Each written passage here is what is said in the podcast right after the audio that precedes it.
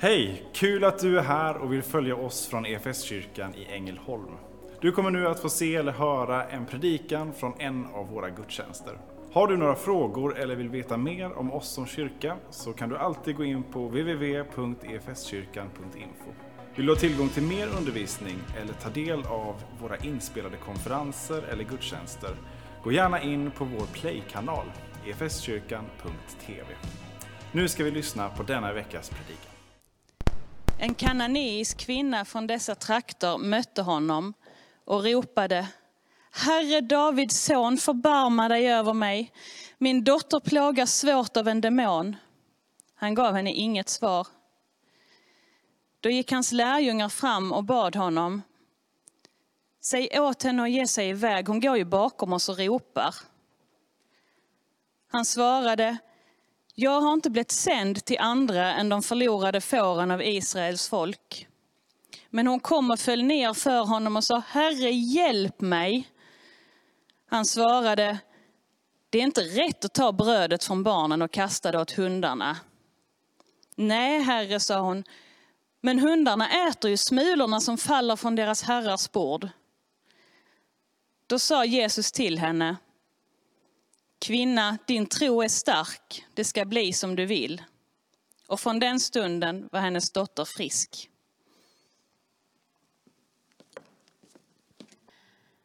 Dagens text är inte den enklaste i evangelierna och eh, det kan eh, kännas lockande att faktiskt hoppa över en sån här text. Eh, det är en berättelse där vi får se en annan bild av Jesus än den vi oftast får se. Oftast framställs han som den varme, den snälle, den omhändertagande, den kärleksfulla man. Det är ofta så vi ser honom i evangelierna. Men så kommer en helt annan bild nu. Och så tänker vi, mm, vad, vad vill den här lära oss? Och jag tror att den här texten kan få lära oss en del grejer om dagens tema som är den kämpande tron.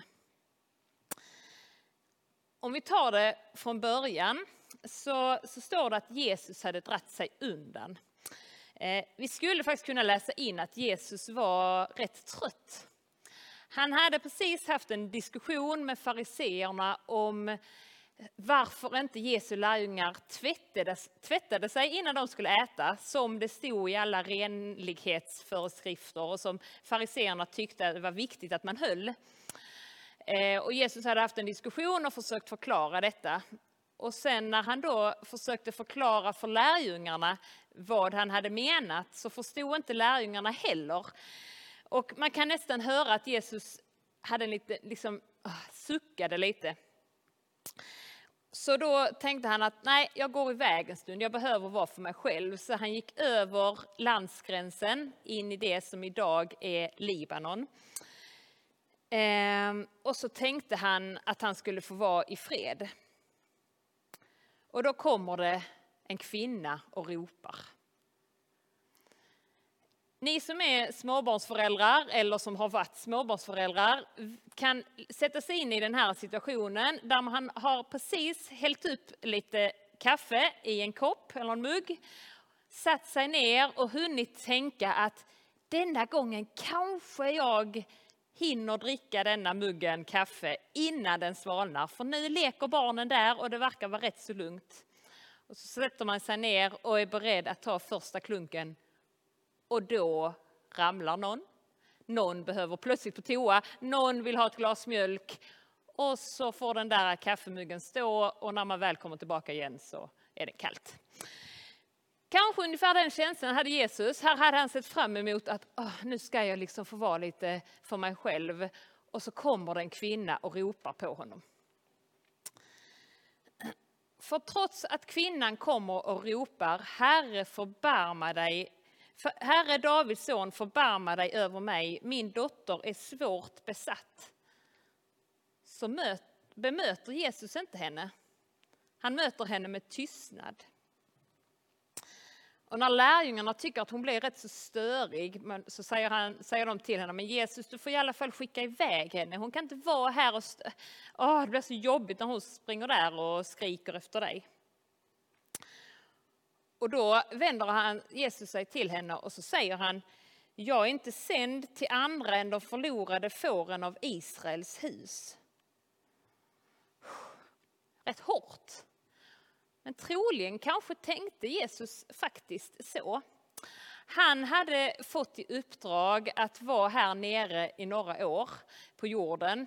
Ehm, och då, ehm, då skulle han faktiskt bara ha tid att fokusera på det judiska folket, det israeliska folket. Och sen när han hade berättat om, eh, om, om sig för dem så skulle de sen när han hade lämnat jorden, när han hade åkt upp till himlen igen så skulle eh, det judiska folket som hade fått ta emot honom sen sprida budskapet vidare.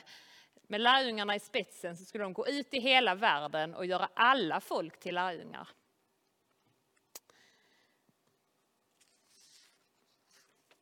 Men det här mötet med kvinnan påverkar Jesus så, så starkt. Så det får faktiskt honom att flytta de här gränserna, de här gränserna som han tänkte att han hade. Eh, och genom det här mötet så får Gud för första gången kanske verkligen visa och hinta om att han är en Gud för alla folk. Att han är en Gud i, med omsorg om hela livet för alla människor.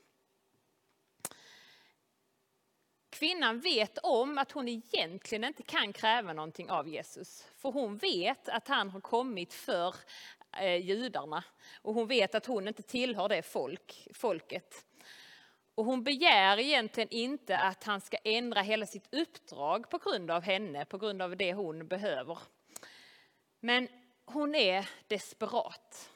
Hon har en dotter där hemma som mår fruktansvärt dåligt, som är besatt står det.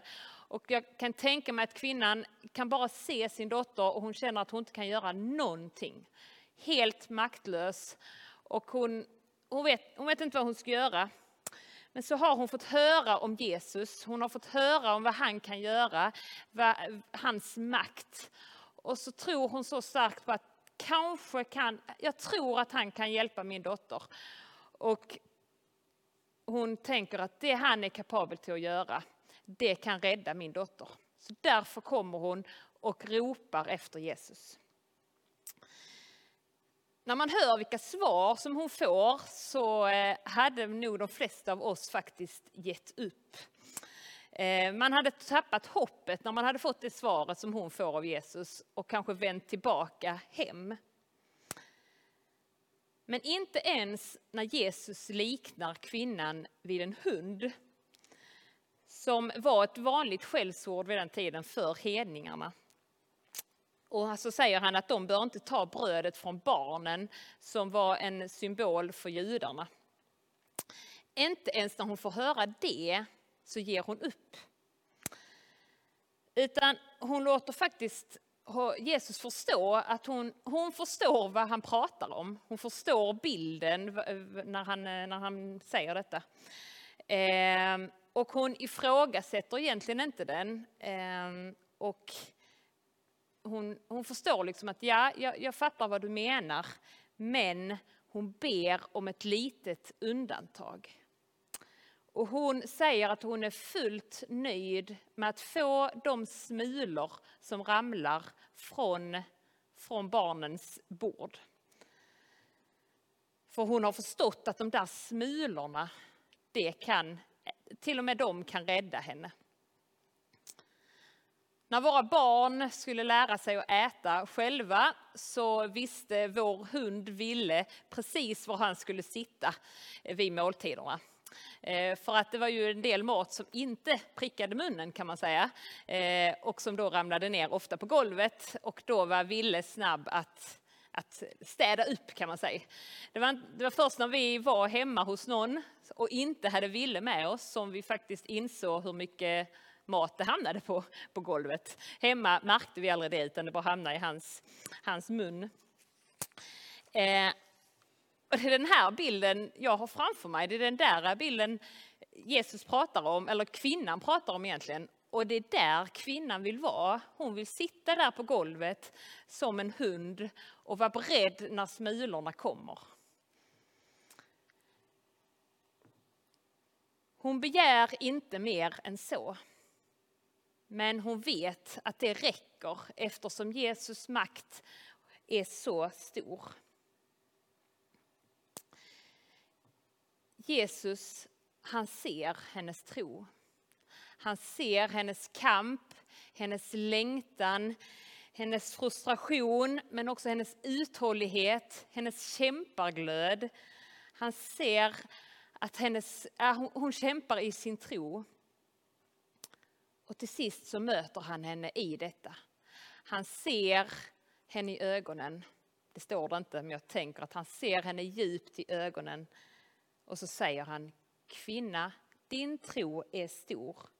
Det ska ske för dig som du vill. Och från den stunden så blev dottern frisk.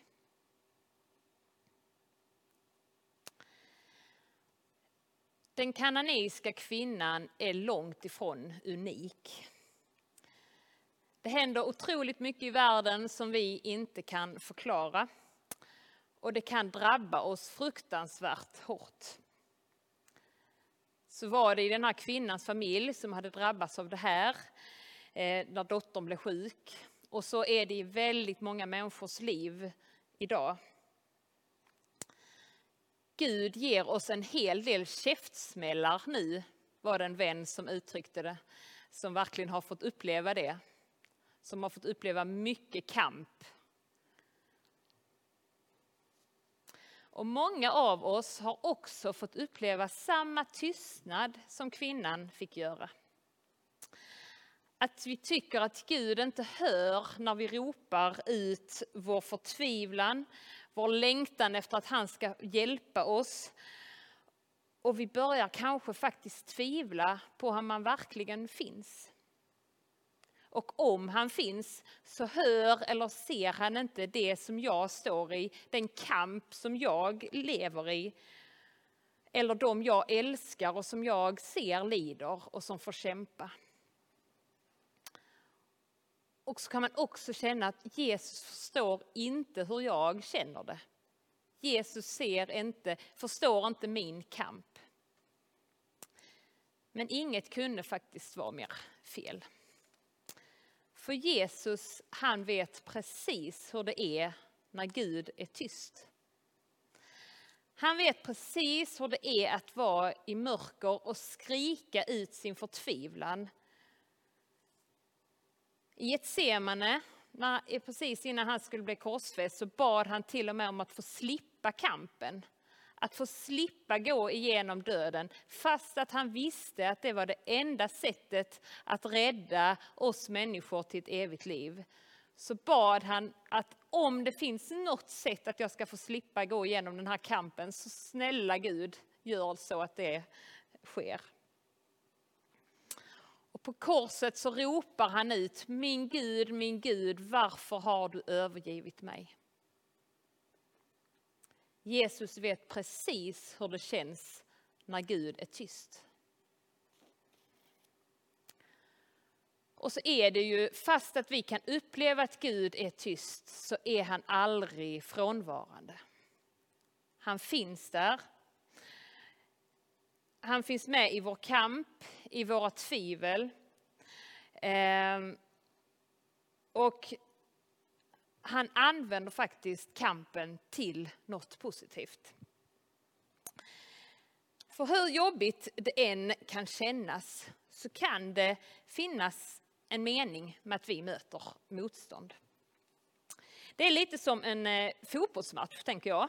Ehm, de allra skönaste segrarna mitt lag tog var faktiskt inte de vi vann med 8-0, även om det inte hände så ofta heller. Men eh, de allra skönaste segrarna var ju de när det var riktigt jämn match och så avgjorde vi i slut, ja helst jag skulle avgöra, men eh, vårt lag avgjorde i alla fall i slutminuten och så vann vi. Det var liksom pff, största eh, glädjen, eh, segerglädjen. Och lite så är det kanske med en, vår tro, en tro som aldrig får, får, har fått kämpa, är lätt att det blir en ytlig tro. Den går inte på djupet, den får inte sina rötter. Och det är först när tron faktiskt har genomgått en kamp som den kan växa på djupet. Kanske var det till och med så att Jesus visste att den här kanoniska kvinnan behövde lite liksom utmanas i sin tro för att den skulle växa. Jag vet inte, det känns, det känns alltid tufft att tänka att det är så, men det kanske var det så. Och mitt i vår kamp kan detta vara otroligt svårt att se. Att ja, men detta kan nog leda till något bättre när man är uppe i värsta kampen. Eh, väldigt svårt, väldigt mycket lättare att se i efterhand. Ehm, och det är också lätt att fundera på varför vissa människor får utsättas för mycket mer kamp än andra. Så är det lätt att vi jämför vår kamp med varandra och så kan jag tänka att men jag har ju inte, inte så jobbigt så att, och det finns ju de som har det mycket värre så jag ska nog inte ens nämna att jag faktiskt kämpar med, med tron eller med någon del i tron eller så. Men jag tänker att ingen vinner på det där. Jag tror att vi behöver dela våra olika kamper och olika vad vi brottas med och så får vi hjälpa varandra i det. Ehm. Och så tror jag inte ibland vi kan hitta svar på varför en del får utsättas mer än andra, utan mer än att bara att vi lever i en värld som inte är perfekt, som är som, den är inte som Jesus hade tänkt sig, eller Gud hade tänkt sig när han skapade den. Men jag tror också att Gud har makt att använda kampen till att nå ett gott resultat. Jag vill berätta om en kvinna som jag har fått lärt känna lite granna. Hennes tro har verkligen utsatts för kamp. Och när jag lyssnar på hennes livsberättelse så låter det ibland som en skräckfilm faktiskt. Hon växte upp i ett land där det var förbjudet att vara kristen. Så eh, hon och hennes familj höll hela tiden tyst om det och eh, pratade bara om det inom familjen. Hon eh, men hon höll liksom, de höll hela tiden fast vid sin tro på Jesus och eh, enades kring det i familjen. Hon hamnade i ett äktenskap fullt av våld, misshandel, eh, mental och fysisk misshandel och total avsaknad av kärlek och omtanke. Hon lyckades till slut ta sig ur detta och hon kom till Sverige hon trodde att hon hade hittat en annan man som verkligen ville ha ett, en relation som var kärleksfull och med omtanke. Men där hon åter blev utsatt för misshandel, för eh, slag, hot, våld, mental nedbrytning. Hon miste sitt barn i ett missfall. Men trots kampen så miste hon inte sin tro på Jesus. Hon längtade efter att få döpa sig. Hon längtade efter att få säga högt och tydligt sitt ja till Jesus. Hon flydde till sist från sin man och så kom hon hit till Ängelholm. Och bara två dagar efter att hon hade kommit till stan så fick hon höra om våra kvinnoträffar här i kyrkan. Och hon följde med hit och hon beskriver det som att hon bara fick överösas av kärlek, av omtanke, av vänlighet, av allt det som hon inte hade fått uppleva under många år. Och efter ett tag fick hon också göra det som hon eh, hade drömt om. Hon fick döpa sig ner i havet. Jag lämnade mig helt till Jesus, ingen kan ta den tron ifrån mig, sa hon. De tuffa åren hade dock satt sina spår och hon mådde otroligt dåligt. Och hon blev inlagd en månad på en psykiatrisk avdelning. Och jag kan tänka sådär, men Jesus kunde du inte bara, nu har hon fått kämpa så mycket, kan du inte bara liksom eh, rensa hennes hjärna och få henne, att hon kan få må bra, att måste hon gå igenom ännu mer? Men så ser man att Gud faktiskt hade en plan med detta. Kvinnan beskriver det själv som att det fanns en mening med min tid på sjukhuset. För där på hennes avdelning kom det in en ung tjej som hade försökt ta livet av sig. Och den här tjejen vill inte prata med någon, hon vill inte prata med personalen, hon vill inte äta. Hon försökte istället hitta andra, nya sätt att ta livet av sig. Och så en dag så satte sig min vän bredvid, sig bredvid den här tjejen. Och så började hon, eh, började kvinnan be på sitt, på sitt modersmål. Och den här tjejen hon hejade till och sa, va? Kan du det språket som jag pratar? Och så fick det bli en början till att de började prata med varandra så smått. De började bygga upp ett förtroende mellan sig. Eh, hon, hon nådde fram till tjejen som inte personalen hade gjort. Eh, och personalen märkte också vilken relation de här två kvinnorna fick. Så de ordnade så att de fick bo på samma rum. Och där fick min vän börja läsa Bibeln tillsammans med den här tjejen. Fick börja be och fick börja prata tillsammans. Och när kvinnan eh, härifrån blev utskriven så fortsatte de att hålla kontakt. Och för eh, några veckor sedan så kom den här unga tjejen och hälsade på. Och så följde hon med på ett, ett bibelstudium. Och nu vill hon lära känna Jesus. Hon vill för det första leva och hon vill lära känna Jesus. Det fanns en mening med min tid på sjukhuset, säger kvinnan. Hon fick där vara Guds redskap, ett vittne för, som räddade kanske antagligen den här tjejens liv och som fick henne att börja vilja tro, vilja lära känna Jesus. Jesus använde kvinnans kamp för att få vara ett redskap för honom.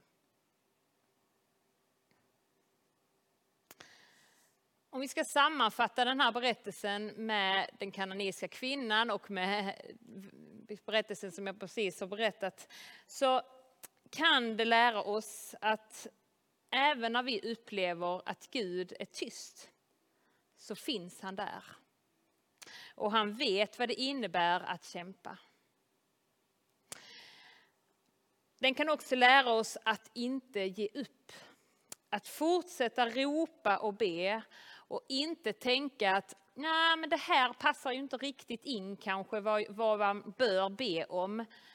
Så tänkte inte den kananesiska kvinnan. Hon kom, hon tänkte, jag struntar i att detta egentligen inte passar in i Jesu plan. Jag ropar ändå. Och det får vi också göra. Vi får ropa om det som ligger på vårt hjärta. I vår kamp får vi komma med, vad det än handlar om. Och så i dialogen så ber kvinnan om smulorna från bordet. Men idag kan vi veta att Jesus vill ge oss mer än så. Han vill ge av sig själv som är livets bröd. Och han vill vara med oss i vår kamp och han finns där. Som kyrka är det en glädje att få spela en liten roll av allt Gud gör i och genom ditt liv. Vi vill gärna fortsätta följa dig på den resan. Och vill du ta reda på vad ditt nästa steg kan vara på din resa med Gud så gå in på efskyrkan.info nästa steg. Vår längtan är att få se människor och samhällen förvandlade av Jesus. Genom en kyrka som återspeglar Guds hjärta, bär varandra och betjänar människor varhelst vi befinner oss varje dag.